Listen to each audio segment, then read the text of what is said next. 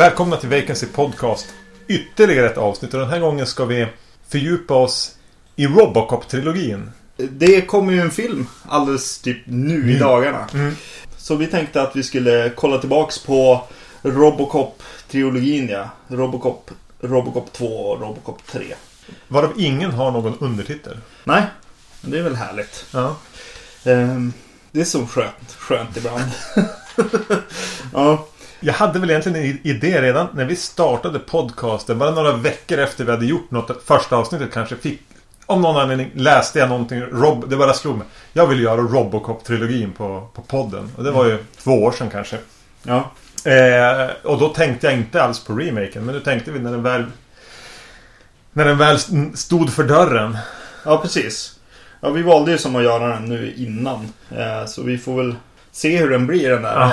remaken. Eh, men vi har ju sett en trailer i alla fall. Vi kan väl kanske diskutera den lite grann. Eh, ska vi göra det nu innan eller? Vi kan ta det efter filmen. Ja, då gör vi det. Eh, och så hoppar vi väl in. I första Robocop. Precis, och den är från 1987. Regisserad av Paul Verhoeven. Och det var väl hans första film eh, när han kommer till Hollywood, tror jag. Så kan det vara. Så kan det mycket väl vara. Mm. Eh, Robocop handlar om, eller väl en, dys, en lite dystopisk framtidsskildring om ett Detroit där kriminaliteten har spårat ur och ett, eh, privata företag har tagit över poliskåren. För att komma till bukt med, med kriminaliteten och för att tjäna pengar.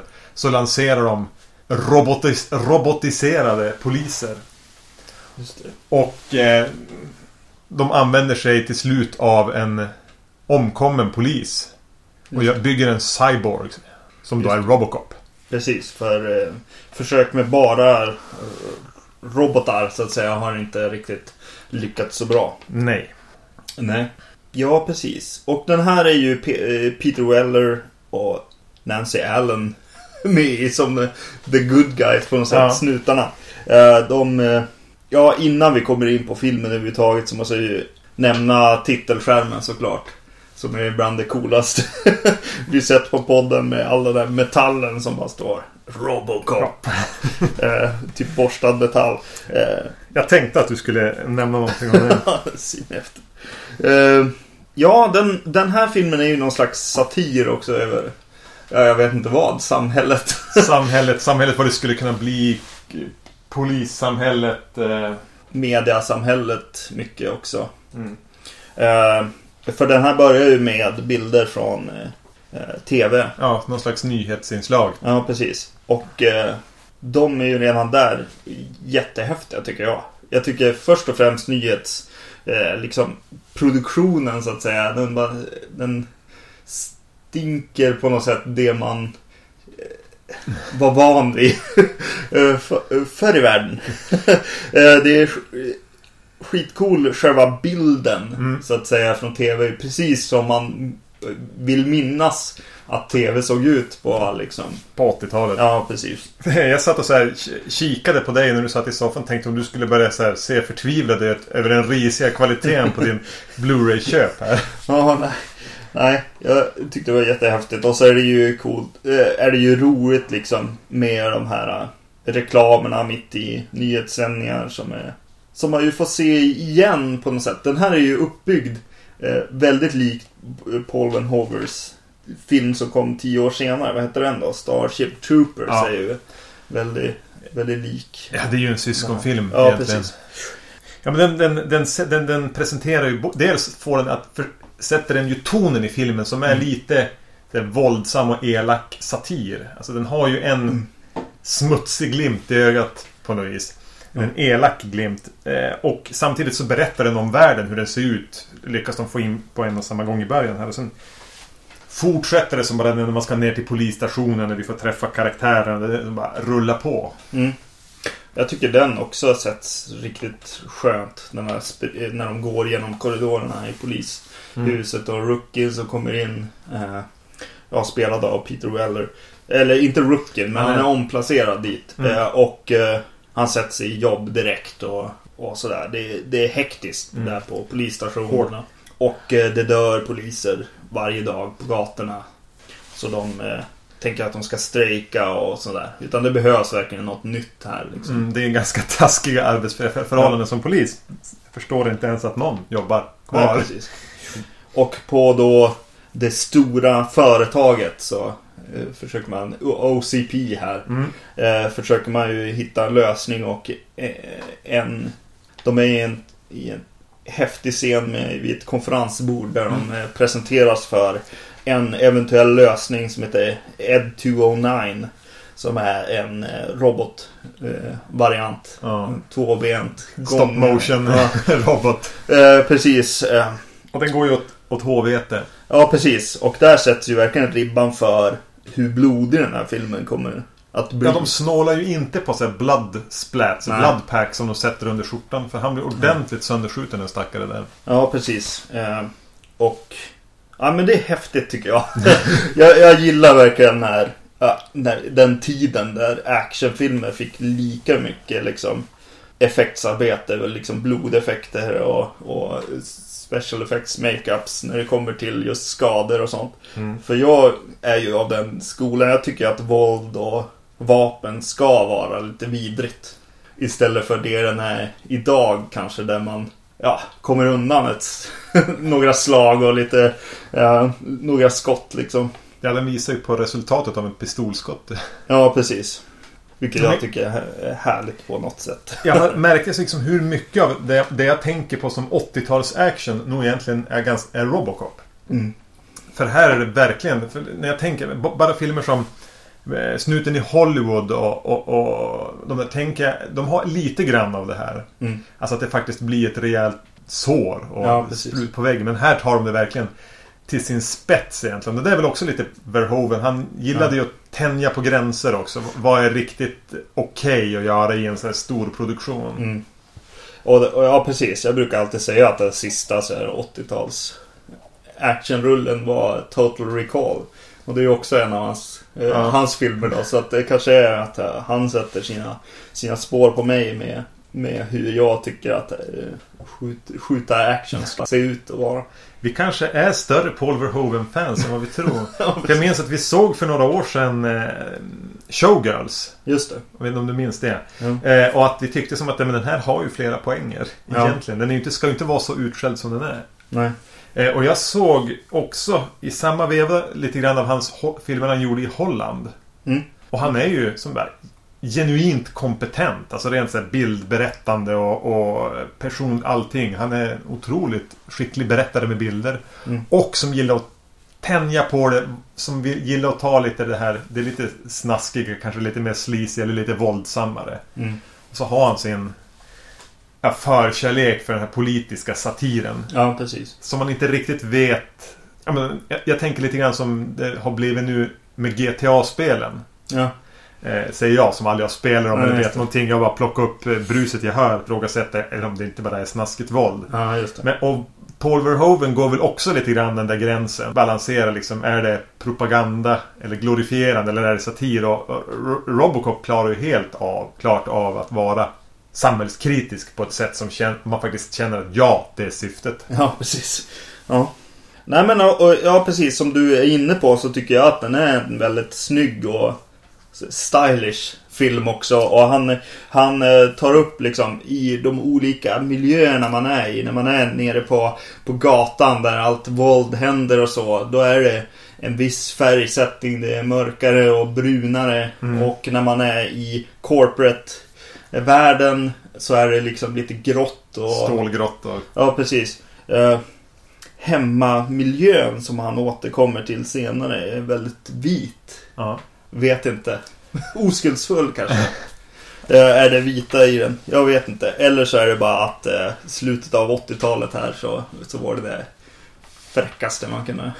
Det var det som var... Kommer på. Ja, men om, om man skulle designa ett, hem, ett framtidshem 1987 så gjorde man det vitt. Ja, jo. Kan det vara. jo. Eh, nej, men det, det är nice. Och så är det... Ja, men om vi ska komma till Robocop då. Efter den här eh, Ed 209 inte funkar så får de tillstånd att eh, ja, använda eh, den här Peter Wellers lik när han dör då, Mm. Alex Murphy. Murphy som han heter, polisen. Eh, som dör en våldsam eh, död mot ett eh, gäng. Mm. Och eh, jag gillar verkligen den här vakningssekvensen när han vaknar upp och börjar bli Robocop. Och den är helt eh, filmad ur hans eh, syn.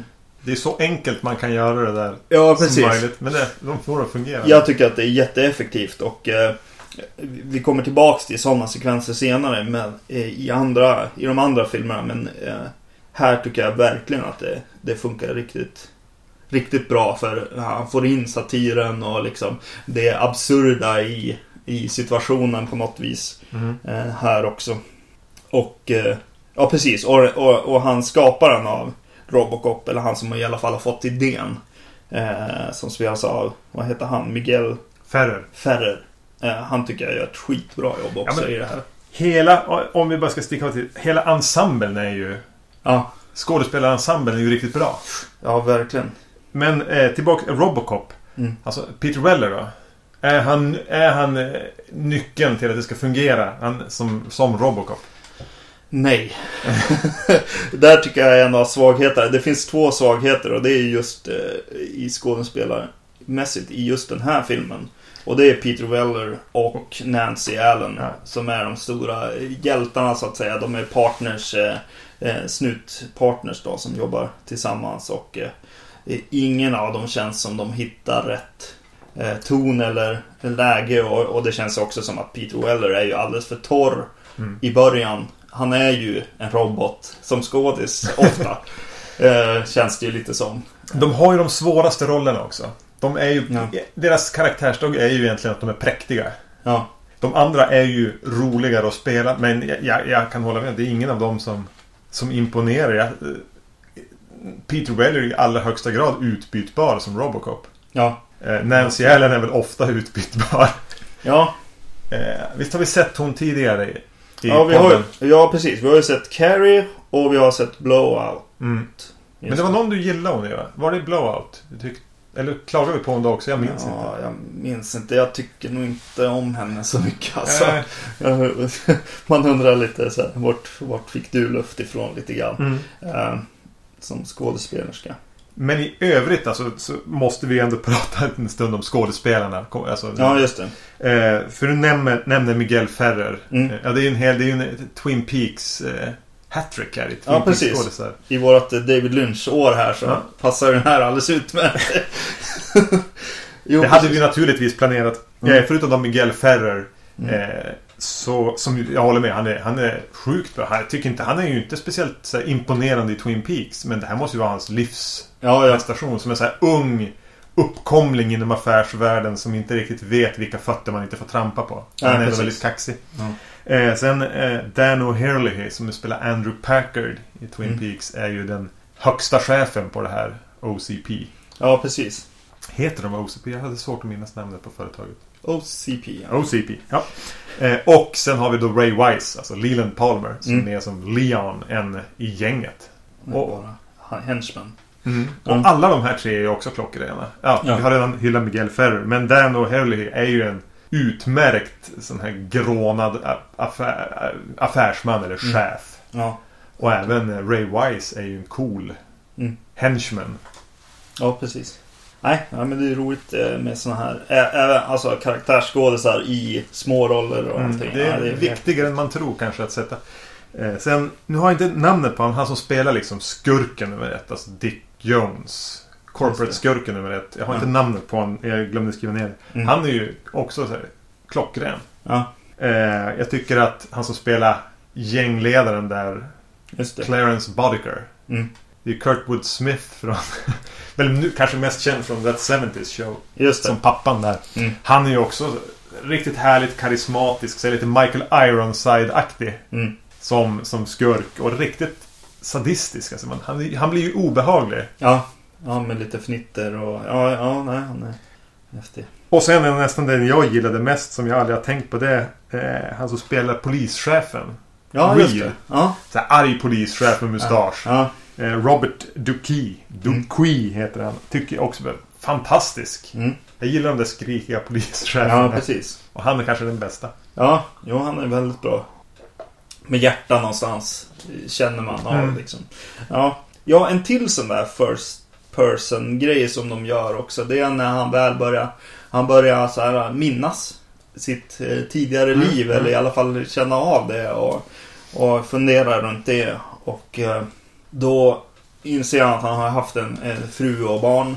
Och just när de har pratat om det så klipper de till en, en vy från hans ögon när han kör längs en eh, så här, suburbia mot eh, sitt gamla hus. Det klippet bara tyckte jag var fantastiskt. Där han började glida in där och så bara, jaha. Det här var riktigt bra storytelling på något vis. Eh, sen kan man ju undra vad han har för stort hus på den här snutlönen. Börjar fundera på vem, vem, vem hans fru var. Hon var typ Madonna eller någonting. Hon som drog hem pengarna. Ja. Men vad tycker du om hela den här nyansen eller aspekten med att han börjar minnas sitt, sitt tidigare liv och sitt kanske börjar ha känslor och trots att tanken väl lite grann är att han ska vara en. Mm. Inte, inte ha kvar det. Jag, jag tycker att... Eh, jag tycker nog att idén är riktigt bra. Men jag tycker den slarvas bort lite grann i, mot slutet. Men det är nog skådespelarna väldigt mycket. Eh, det blir ingen riktig impact tycker jag. Och, Nej, för jag satt verkligen så och vela fram och tillbaks bara för att Ja men ger det här kanske en till aspekt eller en till nyans på hela karaktären och filmen. Men, eller gör inte det? ja. Ehm, för det får ju ingen känslomässig kraft på något vis. På det vis det, det kanske tanken att det ska ha. Nej, precis. Nej, det tappas bort tror jag. I, lite av skådespelarna och så lite av att det är intress- Just den här filmen har lite mer av eh, skurkidén, alltså själva storylinen eller vad man ska Ja. säga. Den här, vad heter det, kampen på något sätt. eh, Vem eh, är det som är skurk och vem är inte skurk och allt det där liksom. Eh, Så det tappas lite bort. Det kan vara... Men det är ju skönt att det är kvar till sen om inte annat då. eh, kanske, men... Eh, Ja men det är ju sånt där som skulle kunna Det skulle kunna hamna på klipprummets mm, golv. Och jag kan tänka mig att det ligger scener som mer av det där som de tog, trimmade bort. Men Ja. det kanske har fil, Kanske hade det mått bra om man hade försökt mm, utveckla det lite mer. ja, Ge det några till scener någonting. Eller, mm, jag är väldigt kluven till hela Ja, grejen precis, med, med hans tidigare liv. mm. Eh, jag känner ju också att... Eh, ja, det här ska ju tas upp på något sätt mot, eh, mot slutet. Så filmen får som två liksom eh, klimax i slutet med en period där de bara ska hämta igen sig eller så liksom. Eh, och samla kraft, både skurkarna och vad det, och Robocop och vad heter det, Nancy Allens karaktär. Eh, ja, det har jag glömt bort vad hon hette. Eh, Anne Lewis. Lewis. Eh, och, eh, och, och där tappade lite intresse för att det var så himla... Det var lite kraftfullt där i, i en scen just innan. Där det känns som det kunde ha löst sig. Mm. Liksom bara om de ja, hade eh, hållit sig kvar där en liten stund. Liksom. Eh, i, I ett eh, parkeringshus är det va? Som den utspelas. Mm. Den scenen som jag tänker på. Vad tycker du om själva Robocop då? Alltså designen. Designen. Eh, I mitt huvud Mm. eh, är den bättre. Mm. Eh, dessutom har jag någon minne av att han skulle nästan vara lite mer kopparfärgad. Men det är nog bara någonting jag fått. Ja. Eh, den är förmodligen bäst i första filmen av de här tre. Mm. Men, ja men nu är det väl okej. Alltså jag kan väl säga att det finns en lite logiska funderingar man kan ha kring att han är så fruktansvärt klumpig och långsam. Mm. Men jag gillar ändå det här lite grann att han är så mekanisk och måste... Det märks att någon har jobbat igenom rörelsemönster och sånt. Att han vänder liksom huvudet först, sen kropp, hela kroppen och det Mm. där. Jag kan tycka det är lite roligt. Det är som en... eh, Ja men det är lite fräckt sätt. En tanke. Ja. Ja, jag, jag, jag, ba- jag eh, reagerade egentligen bara på eh, detaljer där. Det var att jag tyckte att huvudet var lite för högt. På något sätt. Som att han hade liksom ja, extra långt huvud och så var det att de här axelvaddarna, eller vad man ska säga här, läggs ut på, på axlarna. Jag var väldigt höga på något konstigt sätt. Vilket de inte är senare i någon annan av filmerna. Eh, Eller han har en annan pose lite grann. De hade ju problem vet jag när de skulle design, alltså de, att de jobbade och jobbade. Det var väl Rob Botan. Ja. Alltså att de tog fram en look och de byggde på, byggde på, tog bort, byggde på. Det drog ut på tiden och de hade egentligen, alltså det försenade inspelningarna ganska mycket. De Ja, hade precis. problem att hitta rätt design. ja, precis. Och sen gick tillbaks till någon tidig Mm. design till den. När det inte blev något. Äh, Men- där, vi tar den här. Den är ju inte klockren heller. Det är ju inte, den är ju inte ikonisk. Jag har ju som sagt varit svårt att... Ja, kanske lite grann ansiktet med, med den här. Ja. Eh, men den är ju inte så här så klockren som säger rovdjuret. Nej. Eller Freddy Krueger. Nej, nej, det kanske inte är. Nej, det stämmer nog. Ja, precis. Det är någonting som är klumpigt med den så här. Det är inget som man köper och ställer på skrivbordet. Inte jag i alla fall. Nej. Så. Ja, ja, nej, jag vet inte. Hur mycket hade du sett Robocop sen tidigare? Jag har sett den här två, två, tre gånger kanske när jag var liten. Liksom. Mm. Eh, och sen, sen har jag inte sett den på, på många år. Nej, jag vet också att jag såg Så den när jag var uh, barn i princip. Ja, Eh, och sen måste jag ändå ha sett... Men ofta brukar jag kunna, när vi pratar om filmer på podden, nästan kunna säga att ungefär hur länge sedan det var jag såg dem. ja. Men jag har sett den ganska nyligen, men jag vet inte hur nyligen. Nej. Nej, det var nog inte så här barnsben kanske senast. Det är ju så intressant för att man känner igen massa repliker och grejer Mm. men det är ju ik- ikoniska eh, repliker som dyker upp också. I, I buy that for a dollar. Ja. Och, och lite sådana grejer som, som, som alla känner till på något vis ändå. Eh, och Dead or Alive, You're coming with me och, och, och sådana grejer. Men eh, ja, och så kommer jag ihåg mycket av mötesrumsscener. Mm, ja, de är ju nästan Båda bäst. egentligen, ja. Eller båda de här stora. Eh, alla actionscener och allting. Visst, det är ganska schysst action i den. Ja. Just det. Men de scener som är bäst i filmen, det är nästan allting som utspelas inne i det här företagets kontor. Allting där, ja men. Dick Jones-karaktären och Ja. Miguel Ferrer och allting som utspelas. Alla möten. Det, det är Mm. otroligt bra. ja, just det. Scenen på toaletten där också. Ja.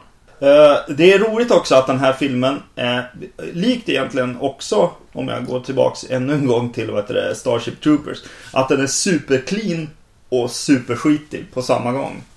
Det tycker jag är häftigt med den här filmen då. Den är så här jättegritty och jätteclean Mm. på något sätt. Och Robocop är ju i, i sig en superclean eh, Han är nästan stormtrooper. Ja, precis.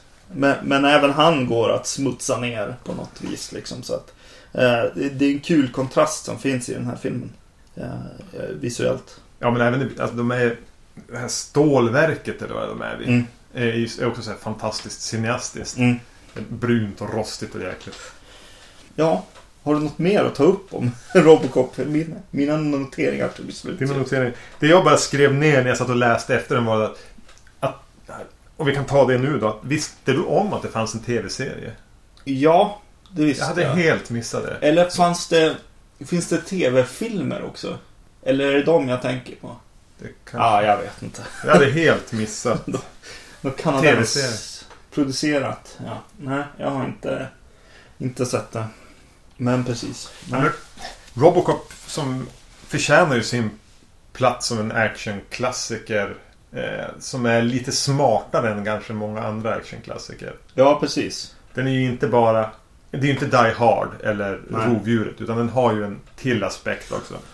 Och ha lite mer edge på det viset också. Ja. Av den anledningen på något sätt.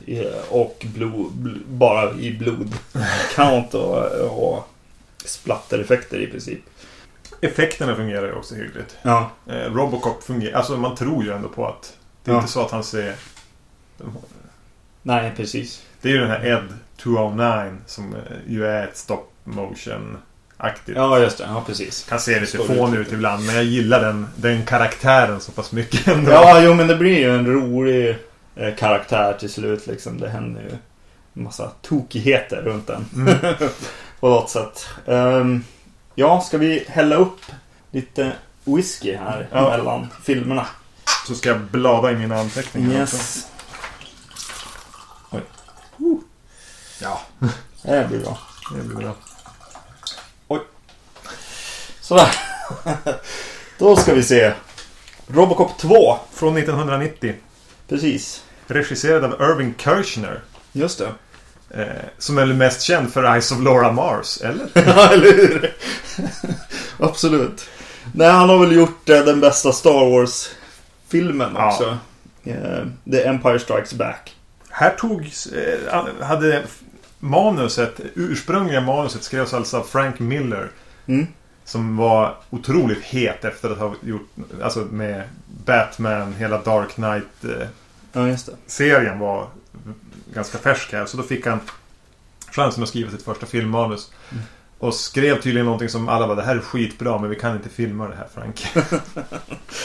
Ja. Eh, Så det har skrivits om och om och om. Så det är tydligen inte kvar så mycket av, av original, hans originalidé. ja, just det. Men eh, han fick vara med i filmen ändå. Mm. Just det. Och vad handlar Robocop 2 om? Nu måste jag försöka minnas. Trots att det bara var några timmar sedan vi såg den. Vi såg alla de här idag. Så Ja. samma, samma dag. En enda, ja, I princip en sittning. Paus för mat. Mm. Eh, slå an en ton så kan jag haka på. jag har svårt att skilja dem nu. Eh, det har med OCP att göra. Ja just det, De- staden Detroit. Ja, det är droger. En drog som kallas för Nuke som är fruktansvärt het. Och hela staden plågas av de här drogproblemen. Och eh, staden, alltså kommunen, Mm. eller staden Detroit hade stora ekonomiska problem. Ja. Och eh, för att ta itu med det här och möjligheten till att bygga om Mm. Detroit vid tillfälle gör att OCP eh, försöker bygga Robocop 2. Mm. Eh, de ska bygga en ny modell. Eh, det är eh, en massa poliser som, som dör förstås. Som då blir ombyggda till, till robotar. Jag måste, vi får återkomma till de där Robocop 2-grejerna. Just det, Mm. och får psykbryt och eh, går sönder eller Mm, tar så då- livet av sig. Då kommer de så småningom på ett sätt att med hjälp av en beteendevetare just det. Ska de, ska de hitta det eller att hitta rätt, någon med rätt psyke. Ja, precis. Eh, det, Robocop fightas både mot eh, drogkartellen Mm. och eh, som vanligt även med delar av OCP. Just det. Anne Lew- Lewis kommer tillbaka.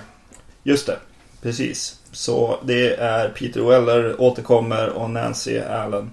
Dan O'Hurley som chefen för OCP återkommer. Plus någon annan som kallas Johnson. Johnson också från, från första filmen. Eh, vilket ger den här eh, filmen en riktig uppföljare. Ja, ja, den känns väl, alltså den känns som att den tar med sig så pass många karaktärer och trådar egentligen. Ja, precis. Den är sann på så vis mot sin föregångare. Man, ja, precis. Det är det man undrar om. Det är det Frank Miller gör här. Att han har någon slags respekt för, Mm. För eh, första filmen och vill eh, fortsätta den egentligen. Snarare än att eh, någon slags hitta på en ny tråd på något vis.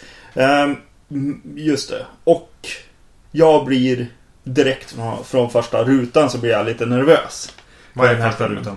Eh, Det är nämligen mer eh, TV. Det, den börjar ungefär likadant. Det är så här TV-nyheter och, eh, och reklam. Mm. Det är reklam för en eh, för någon slags säkerhetsanordning i sin bil. Ja, just det. Ja. Mm. Eh, Och allt det här är filmat med mycket sämre liksom, timing och kvalitet tycker jag. Och framförallt eh, kvaliteten på tv-bilden. Det är inte den här, så här åh ja, tv såg ju ut så här. Utan det är det här, ja de försöker att det ska se ut som att det är filmat av en tv. Sämre fingertoppskänsla egentligen. Lite grann, ja precis. Så jag, jag blir lite nervös. Och så sen så kommer vi till eh, världen på gatan på något Ja. sätt. Eh, som de bygger upp här. De bygger upp en värld där...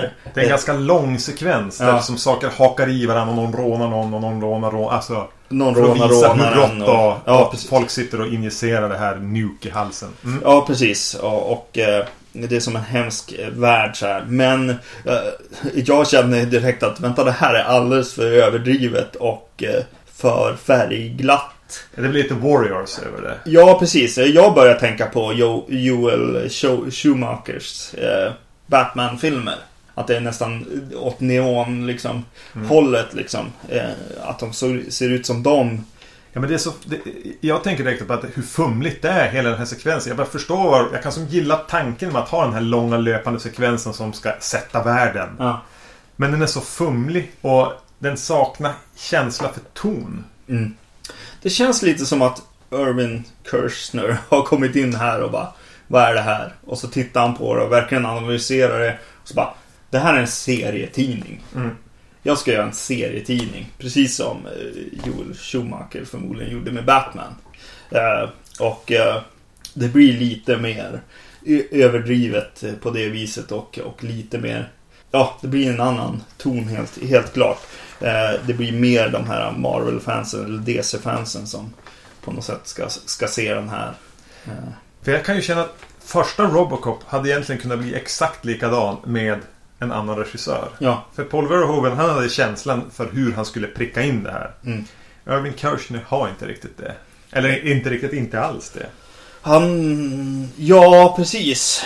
Eh, Jag känner ju snarare att det blir att de får vara, för att hoppa framåt också, att de får vara regissörernas filmer på något vis. Mm. De får ta hand om eh, Robocop eh, på, sitt, på sitt vis. Och Irvin Kershner kanske inte hade med sig någonting, utan han körde på analys tror jag mer. Kanske på så här vad tror han folk vill ha på något vis? Eh, kanske lite grann. Eh, någonting som du sa att eh, ja, dräkten var bäst i Robocop 1. Där tycker jag att, vad det, att Peter Weller i den här har prickat rörelsemönstret li, lite så här. Eller han har ju satt ett i alla fall. I första filmen är det lite hit och dit och Ja. ibland ska han, ska, han kanske ska vara mer som, som Murphy i, i vissa scener och så när han är skadad och mår dåligt och så, så, så, eh, så tappar han eh, robotgrejen.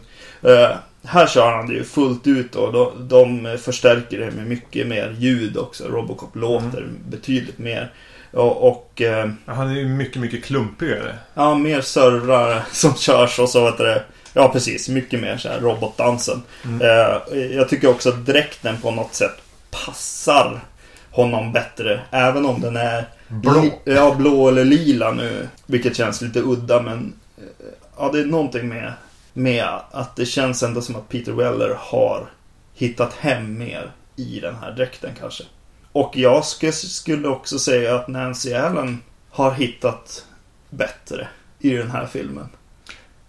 Eller hon följer den här filmens ton kanske bättre. Ja, det är inte säkert att hon har förändrats. Nej. Utan att filmen har förändrats till hennes fördel. Det Ja. kan jag nog hellre... Och förmodligen Peter Wellers eh, fördel också lite grann, tyckte jag. Eh, I de här filmerna. Att de... de Ja, det stämmer. För jag, jag tänkte inte på att Peter Weller var kanske någon av, som hörde till minus, minuskontot här. Nej. Här var han mer bara där. Mm. Eh, men vi nämnde dem lite grann tidigare, de här misslyckade Robocop 2. Här Mm. kommer det, vi får man se när de har försökt göra presentationsfilmer för två olika modeller av Robocop 2. Ja. Först har vi en som kommer ut och när de startar han så, så skjuter han först den, e- skjuter han ner de två eh, vad är det, vetenskapsmännen som står bredvid honom. Sen skjuter han sig själv i huvudet. Ja. Eh, Ska ta er med mig. ja. eh, och så släpper de fram en till som är någon spinkigare variant som ser lite grann ut som de här i nya Star Wars-filmerna. De här clone... Inte Clone Troopers utan de här robotarna. Robotarna, droidsen. ja. Droidsen där. Lite grann som han som kommer ut, tar i sitt eget huvud och sliter bort hjälmen och under är det bara en, ett skelett. Skrikande skelett. Skrikande skelett och sen faller han ihop. Ja. Jag tyckte de, de två faktiskt var roliga. Ja, jo det var de. Det är där de får in det här lite... Ja, men det, det som kan vara ro. Faktiskt där de lyckas pricka in humorn på, Mm. på, ett, på ett ganska skönt sätt.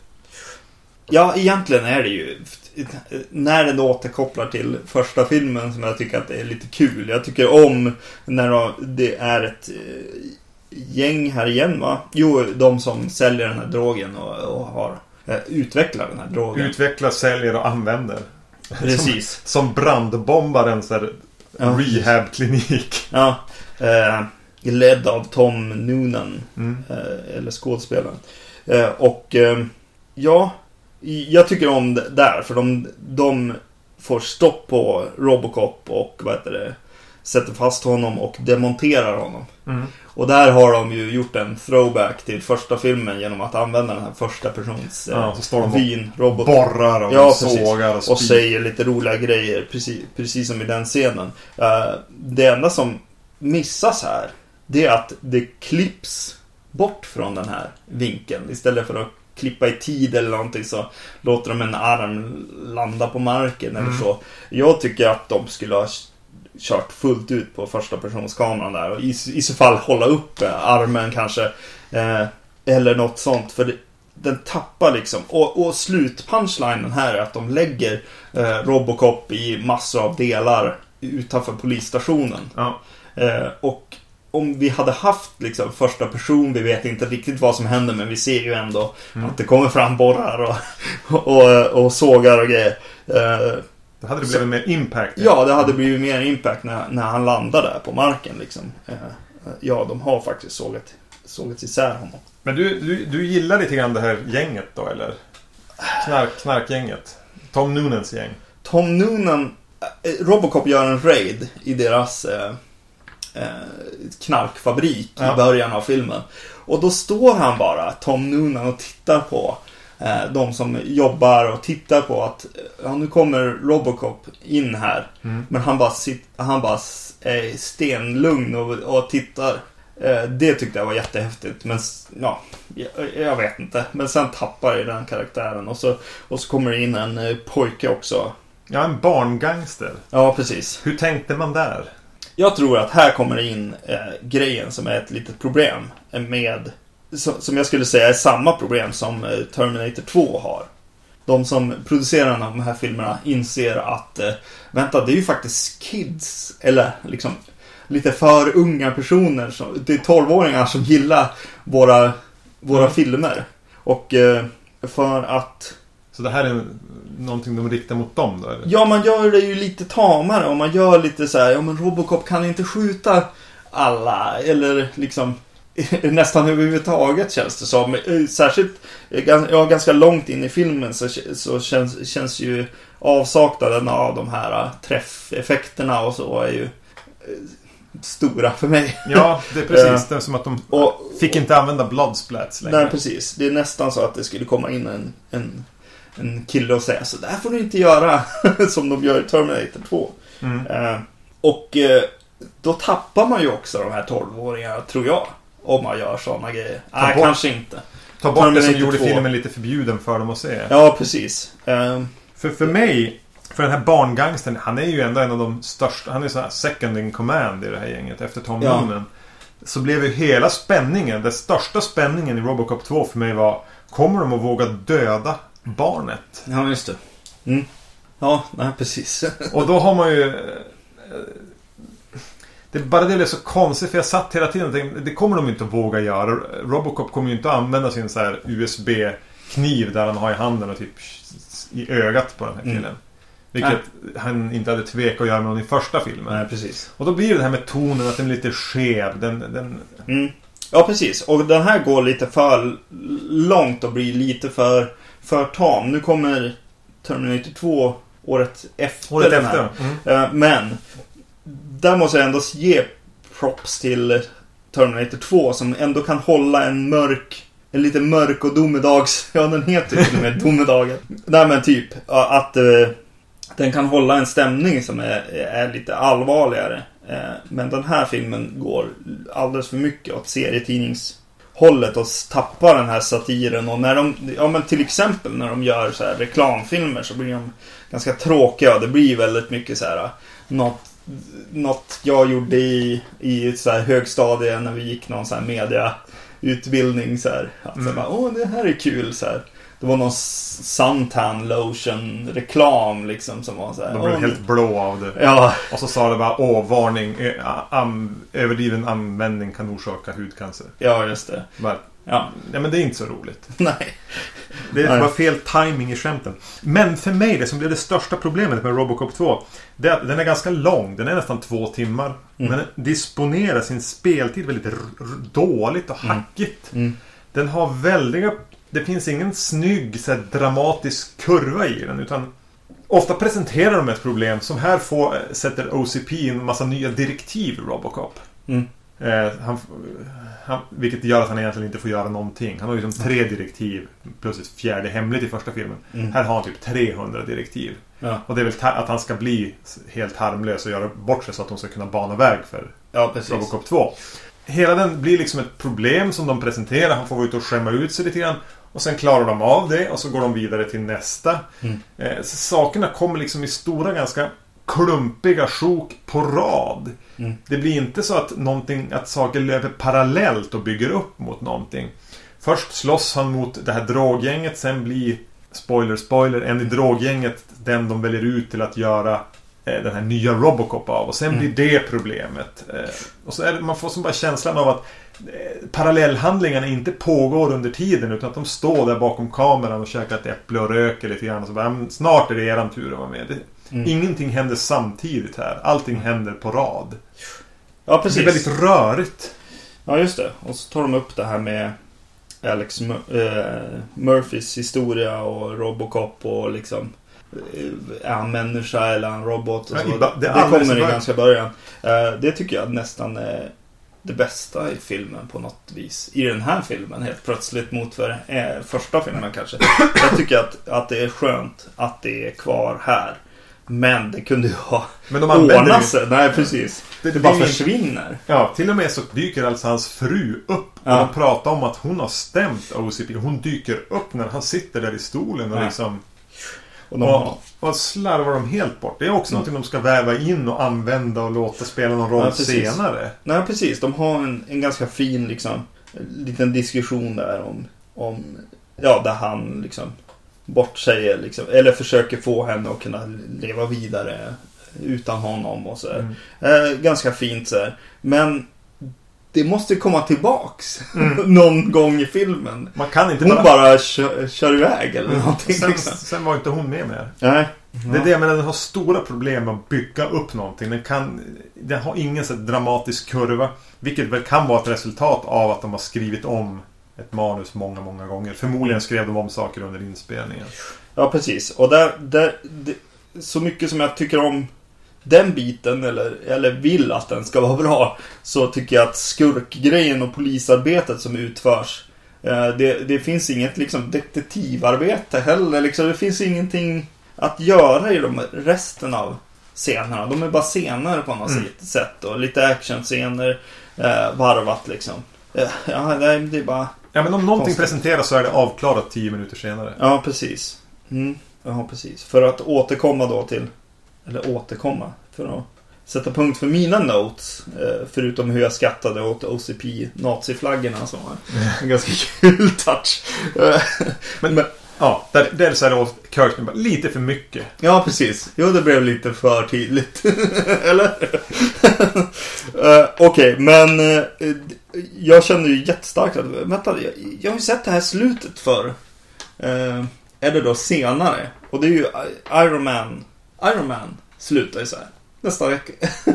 det är som samma slut eh, i alla fall som i, som i Iron Man.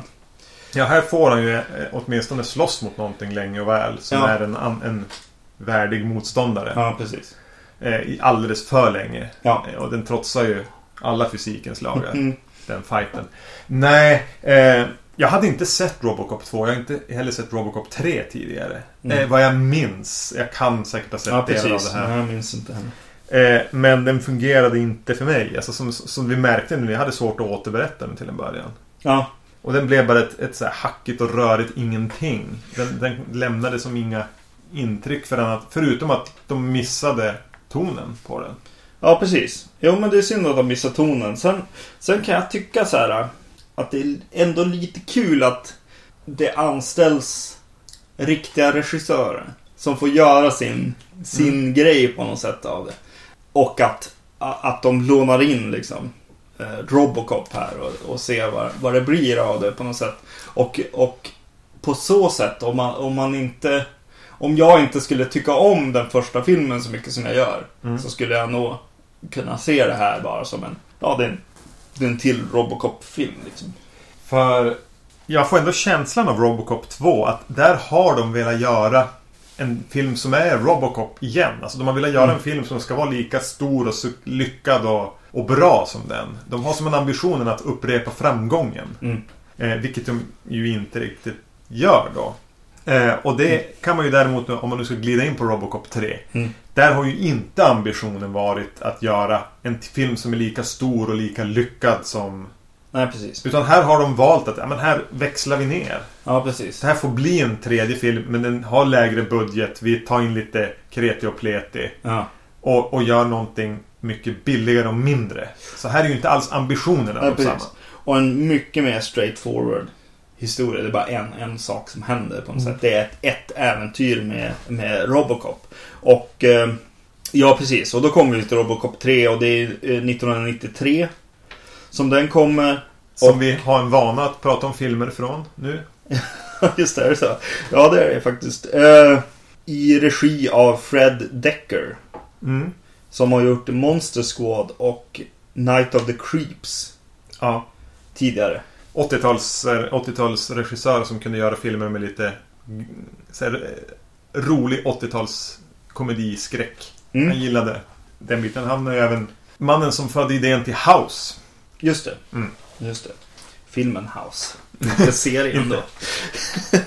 och... Eh, Ja, Frank Miller stod återigen för ett manus. Han gav det här en chans till. Trots att han blev så slaktad i första så, så övertalades han att göra ett nytt försök och få skriva ett manus. Och det samma sak hände igen. Ja. Och den här gången så, så gav han upp Hollywood fram tills det att han fick göra sin City. just det.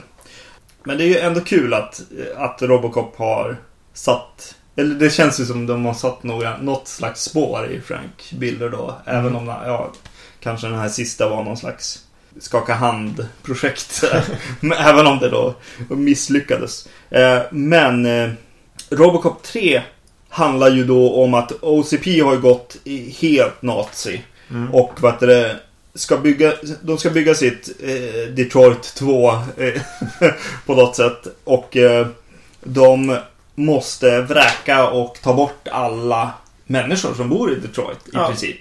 Och eh, kör, kör iväg dem i princip med tåg Till gaskammare. till gaskammare. Vi vet inte. Men De har eh, sina rehab force. Re, rehabs åker Ja. man till. Nej men och eh, då...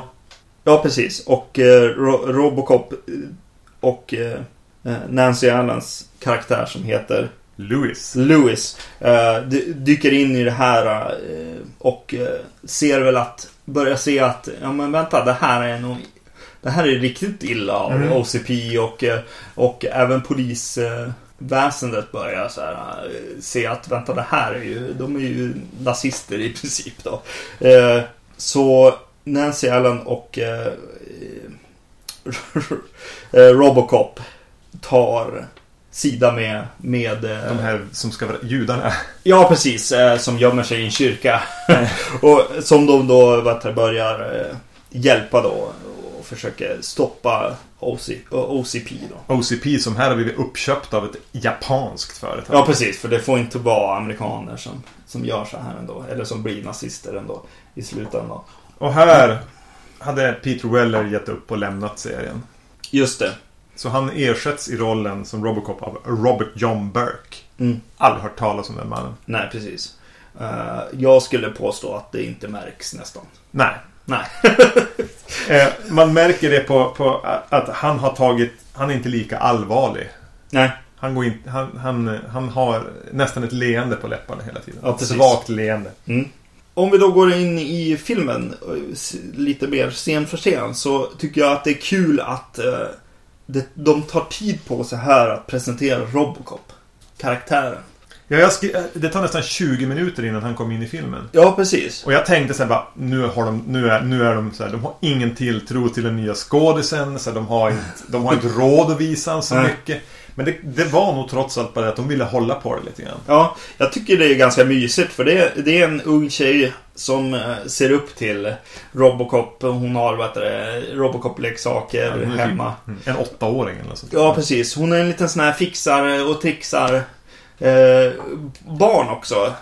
Kanske någonting som Fred Decker känner till sen förr. Jag har Ja. inte sett några av hans. Ja, Filmen, Monster men jag- är åt det hållet. Men jag har förstått att det är liksom lite barn, barn som gör Fixa Biffen filmer lite grann, eller? Ja, den... Eh, Monster Squad är ju det. Ja. Som jag förstår. Som, jag, jag har inte sett Monster Squad. Night of the Creeps har jag sett. Den är inte riktigt det. Nej. Men, eh, ja, men han är lite grann eh, Tommy Jarvis. Ja, precis. Redan den 13. Ja, jo, Eller hon hon, är det, hon är det. Ja, precis. Och så presenterar man hon och så presenterar man motståndsrörelsen och OCPs eh, soldater som har blivit någon slags eh, stormtroopers. Mm. Och så kommer sakta liksom den här världen in. Eh, vad heter hon? Ja, först kommer nog, vad heter den, här Ed.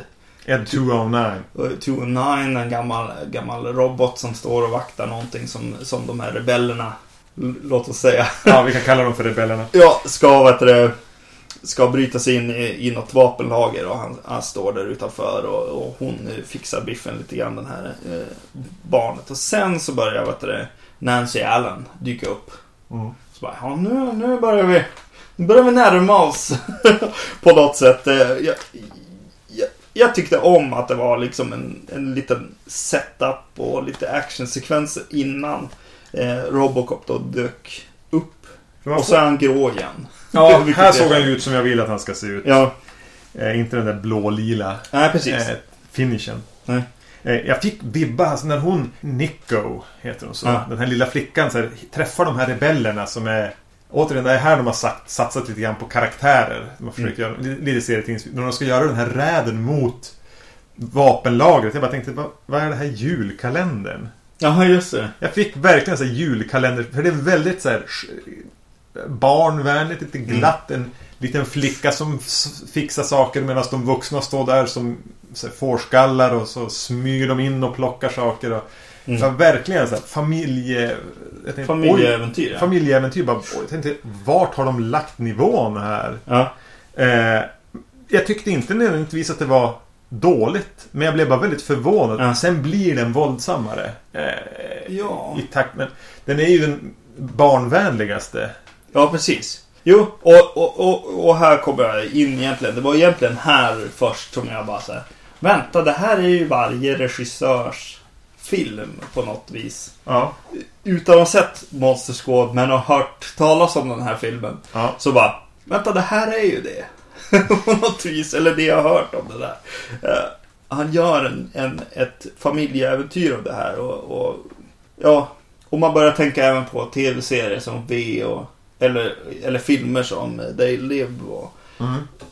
den sätter mer en sån ton på något vis. Ja, men en liten lågbudget-vibb också med det. Mm. Alltså det här, lite mer för hela familjen. Lite mer TV. Ja, precis. Eh, och och eh, för Robocop 3 är väl ganska hatad av fans. Ja, Tror Kanske. jag. Eh, Den har i alla fall ett, ett väldigt lågt snitt på IMDB. Men, Ja. Och jag kan tänka mig att det är just det här lite barnvänliga. Mm. Eh, det TV som, som de vänder sig Ja. mot. Men det den gör jämfört med det den nu angrep tvåan för som inte hade någon struktur. Inget, ingen, den bara så här, la scener efter varann. mm. Att den här håller ju ihop bättre dramaturgiskt som film. ja precis. Här är Och- någon som har skrivit den som vet hur man skriver ett manus. Jo, att den här inledningen kan bli 25 minuter lång utan att det gör någonting. Den lägger till nya element liksom, men den är egentligen en lång, stor eh, skeende på något Ja. vis. Eh, Det tyckte jag var lite häftigt att de lyckades med ändå. Särskilt efter att ha sett då tvåan förstås. Mm. Att här, den som var så hacka, eh, hackad så tyckte jag att det var ganska skönt att få ett, ett långt skeende liksom. Som, som satt ihop och, och det gjorde ju hela filmen kändes det som ändå. Ja, men den hängde ihop Ja. på ett helt annat sätt och den hade eh, även eh, för mig nästan den som fungerar mest på ett även på ett eh, känslomässigt plan. Mm.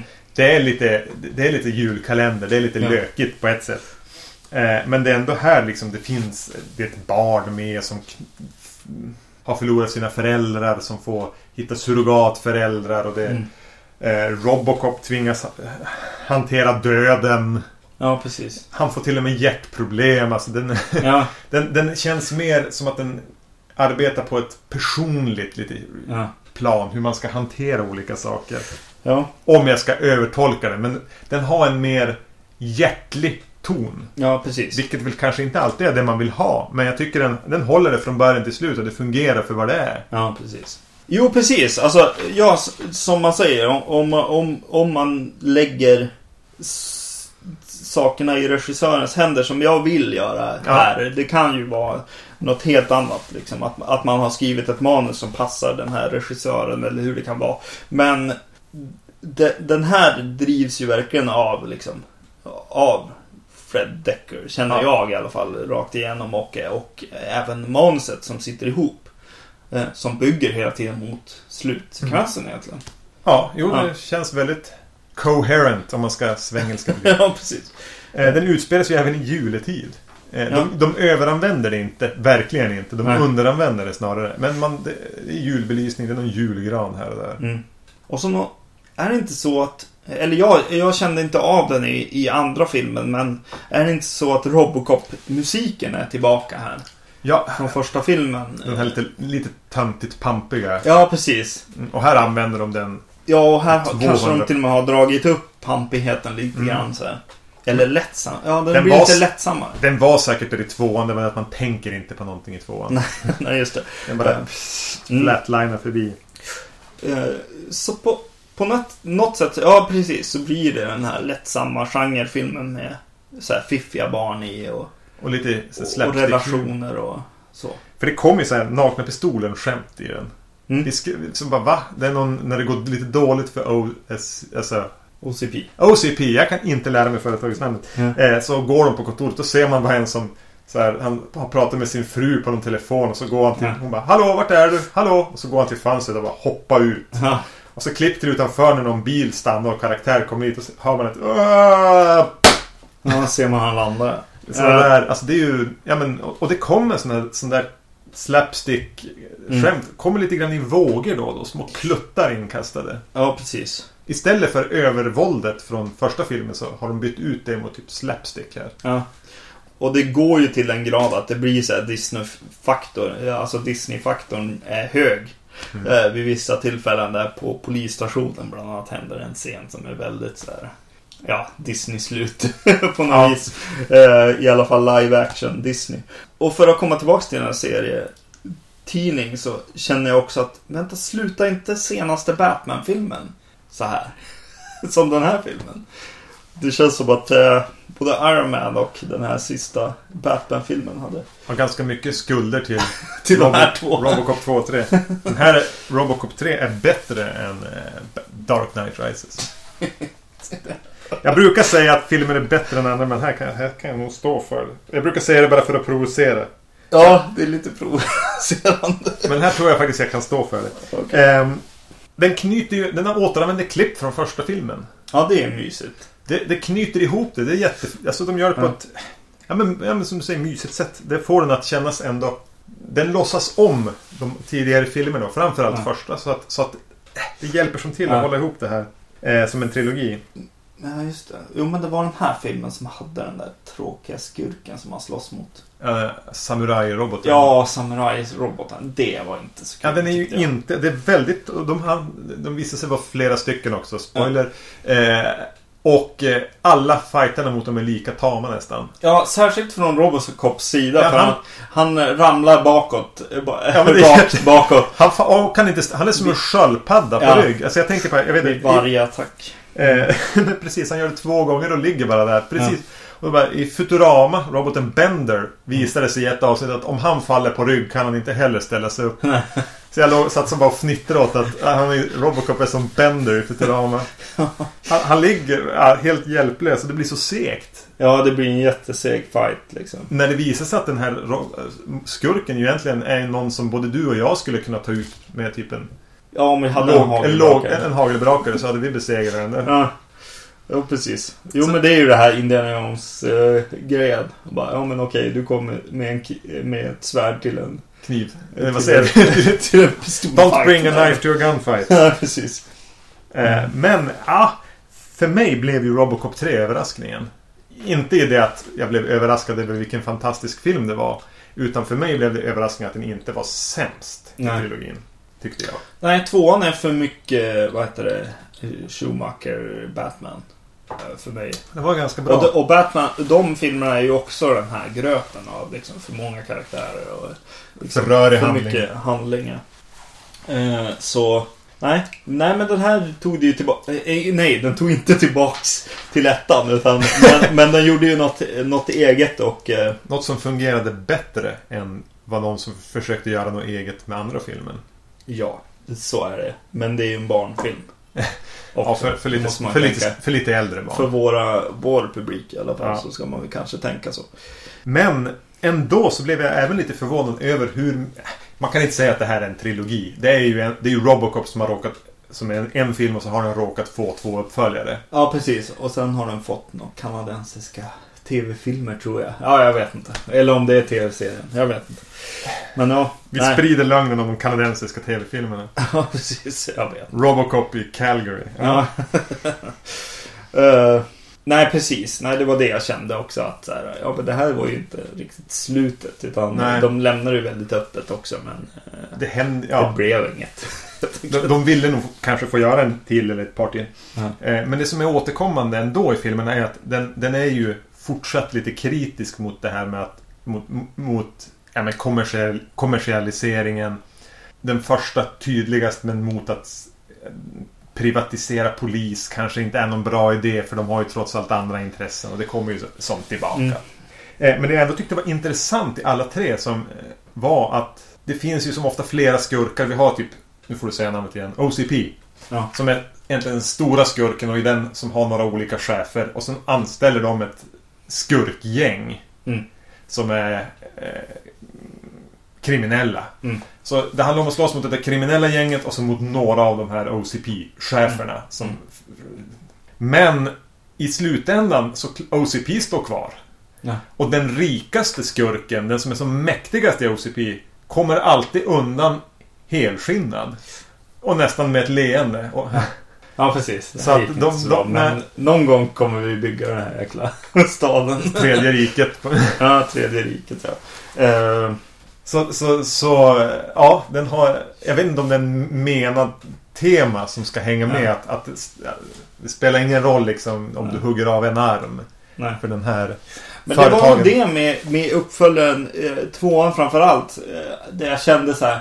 Ja men det här är ju den blir ju det den kritiserar. Den första filmen kritiserar på något vis. Så här bara, ja, money grabs och liksom, ja, kommersiell ja. film. För det blir den ju. Den blir ju. Jag tycker ju att eh, Terminator 2 är en väldigt kommersiell eh, film mot för Terminator 1. 1 då. Den, den, den säger ju, ja men okej. Okay.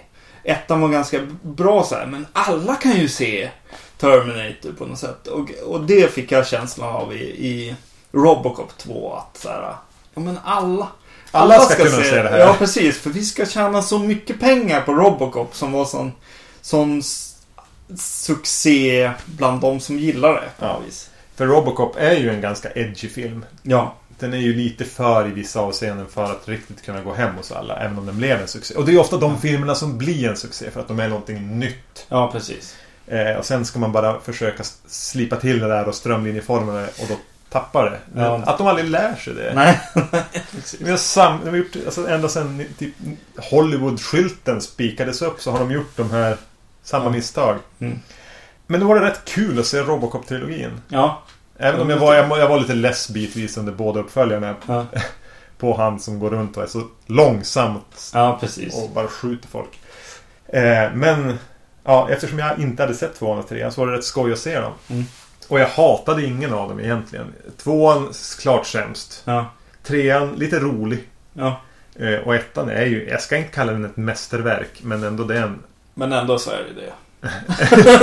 ja, men det är en bra actionfilm. Ja, för den, den, är så pass intelligent på många sätt. Ja. Och Paul Verhoeven är nog kanske en, en större favoritregissör hos mig än vad jag vill erkänna. Precis, och det, det kan jag skriva under på också. Irving Kershner är nog ingen favoritregissör. Nej. Eh, men däremot så borde vi kanske göra ett avsnitt med Night of the Creeps och Monster Squad. Ja, det fick man lite, eh, bli lite sugen på. Så vi kan ja. väl kanske lova att vi gör det under året. Ja, kanske. vi har fortfarande inte gjort det där Roger Corman-avsnittet vi hade lovat. Så. Nej, men någon gång. Det kommer. Mm. Nove ja, Ja, precis. Och eh, det kommer ju en uppföljare. Eller uppföljare, det kommer en remake. Remake. Jag vet inte om hur de, vad de har sagt om det här. Är det en ren remake eller ska de försöka säga att den utspelas i samma universum? Eller ska de placera Nej, det är ju en remake. De skapar ju Robocop i den. Och den regisseras alltså av eh, José Padilla. Mm. Regissören som har gjort de här Troppa de Elite. Ja. filmerna. Har du sett Droppad Elit? Nej. Jag tror de står någonstans där i min hylla. Ja. Så du kan få låna dem om du vill. Yes.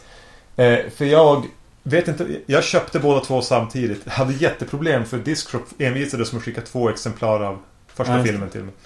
Eh, jag tror jag skickade tillbaka den två gånger innan jag fick tvåan. Mm. Ja men det är bra filmer. Ja. Också lite grann, det känns så logiskt att han gör dem om man har sett dem. För Ja. de är, återigen, de är, det är satiriska, de är politiska. När jag hade sett första var jag lite så här. Hmm, vad såg jag just? Ja, just det. Var det här någon slags fascistpropaganda? Ja, just För den kommer, nu vet jag, han är från ett sydamerikanskt land. Om han är från Argentina eller det. Ja. Kanske. Sydamerika.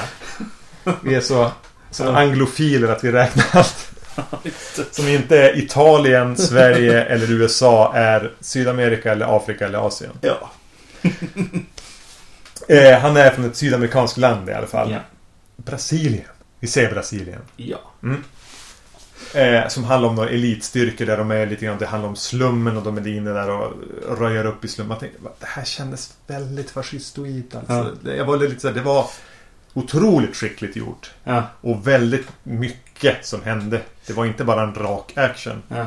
Så jag tänkte, men det här det hade en dålig smak i munnen. Sen såg jag uppföljaren då som, som liksom gav ett till perspektiv på lite grann och lät karaktärer förändras på vissa sätt och la in flera. Och då bara, ja men det här var ju Sett som en eh, höger-vänster-punch ja, så är det liksom en, en väldigt... Du skulle må lite illa efter första filmen. Hade, det ba, hade jag bara sett den så hade jag haft ett litet dubier. Men Ja. det faller som på plats med andra. Mm. Eh, och jag, jag måste se om dem för jag kommer inte riktigt ihåg Mm. så noga. Men jag tänkte väldigt mycket på The Wire. Ja, Okej. Att den har den. Tänkte The Wire nerkokt i två, i två timmars Ja. filmen i Brasilien. Ja, Det är lite det du ska tänka nu sen. Ja. ja, det är en tv-serie vi båda gillar. Ja. Nåväl, eh, det är alltså han som har fått chansen då att eh, regissera Robocop. Vilket ju gör att man, jag får lite förhoppningar. För han Mm. har det här, han har ett, något, något slags politiskt medvetande i alla fall. Ja. Ja, jag, Och, och är inte liksom Zack Snyder som bara gillar hjältar och fascism.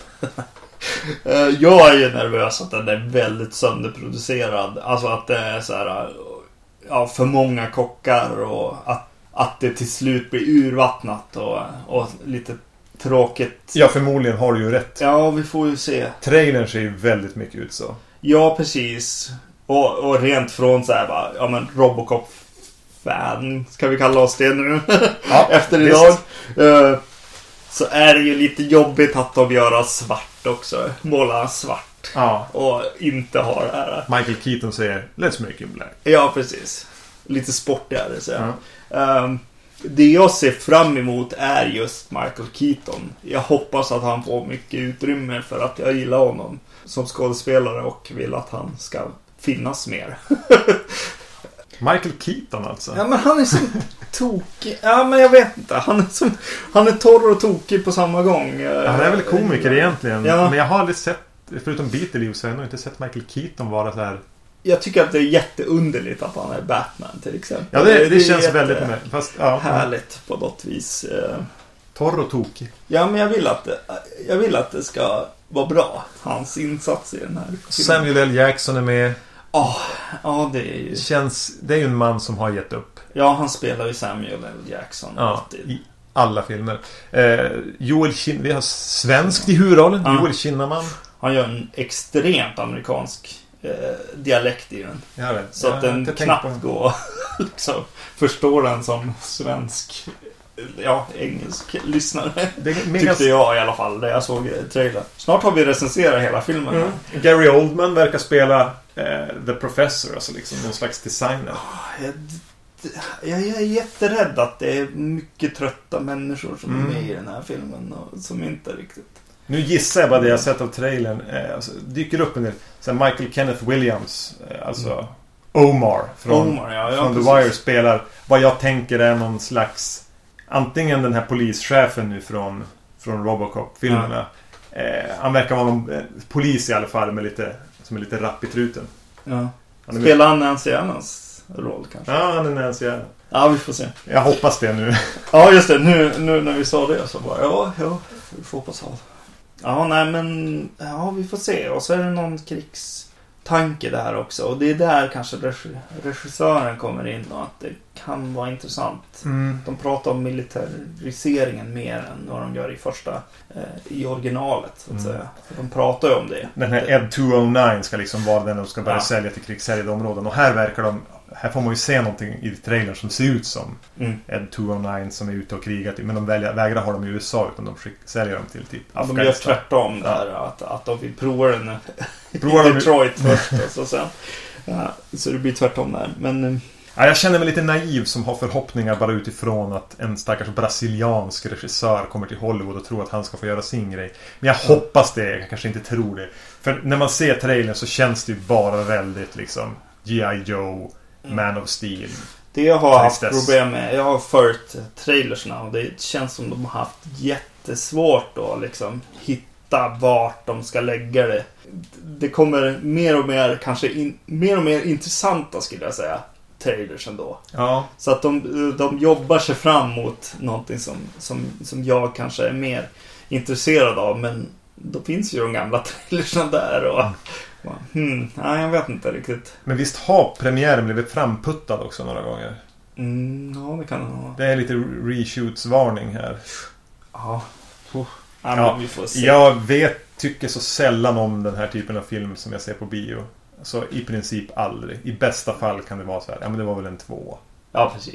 Och man har ju alltid originalet. Ja, ja. ja alltså, just att det är en remake stör inte mig det minsta. Inte i det här fa- Nej. fallet. Jag, jag, jag vet att förr blev jag väldigt mycket irriterad. När jag bara, ja men vad fan gör de remake på den där och den där och den där. Och, Mm. eh, jag har inte blivit det på senaste tiden. För det Ja, har, det har väl tagit slut med de riktigt stora så här Psycho eller alltså ja, Halloween. Alltså mina favoriter på något vis. Eh, så att eh, nu när det kommer någon så är det bara, ja men okej. Någon kanske får se Prom Night originalet igen. Om de gillar Prom Night remaken. Och så finns det ju några remakes som, som faktiskt funkar ganska bra. Eh, men eh, ja, så, så, så i det här fallet är det väl det att jag inte har så här mycket så mycket till Robocop liksom. Nej, Känslor. jag, har ingen, jag är inte så, så bunden vid den jag Nej, heller. Det var jag- väl samma. Jag, jag tycker att om den, om den är Total Recall remaken. Nu, Mm. nu svär jag i kyrkan. Men, men om den är Total Recall remaken. Ja, men då klarar de sig undan på något vis. Liksom. Då, då är det så här, ja men bra nog liksom. Ja, jag har inte sett Total Recall remaken.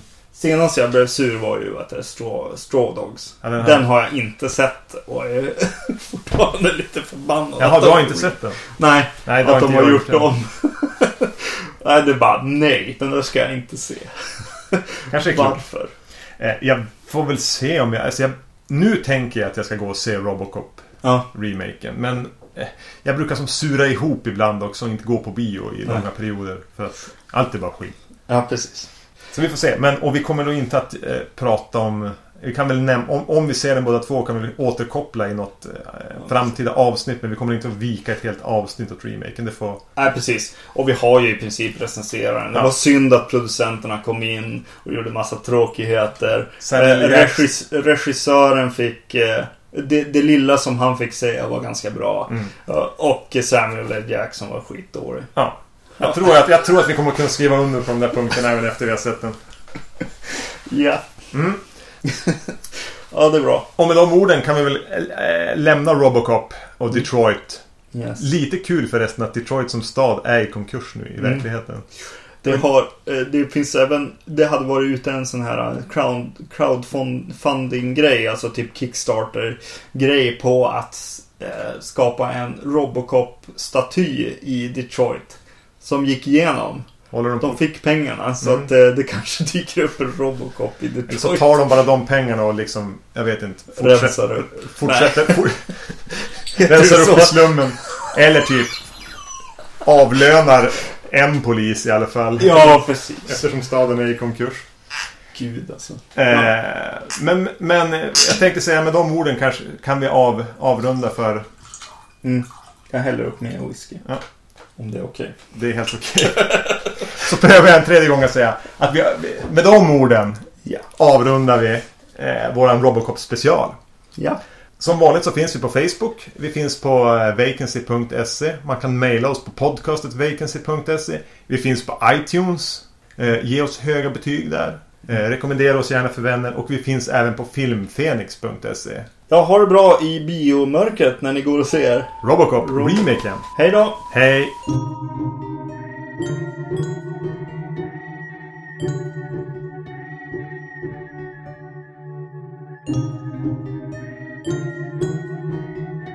Ja. Ska vi ha den nu?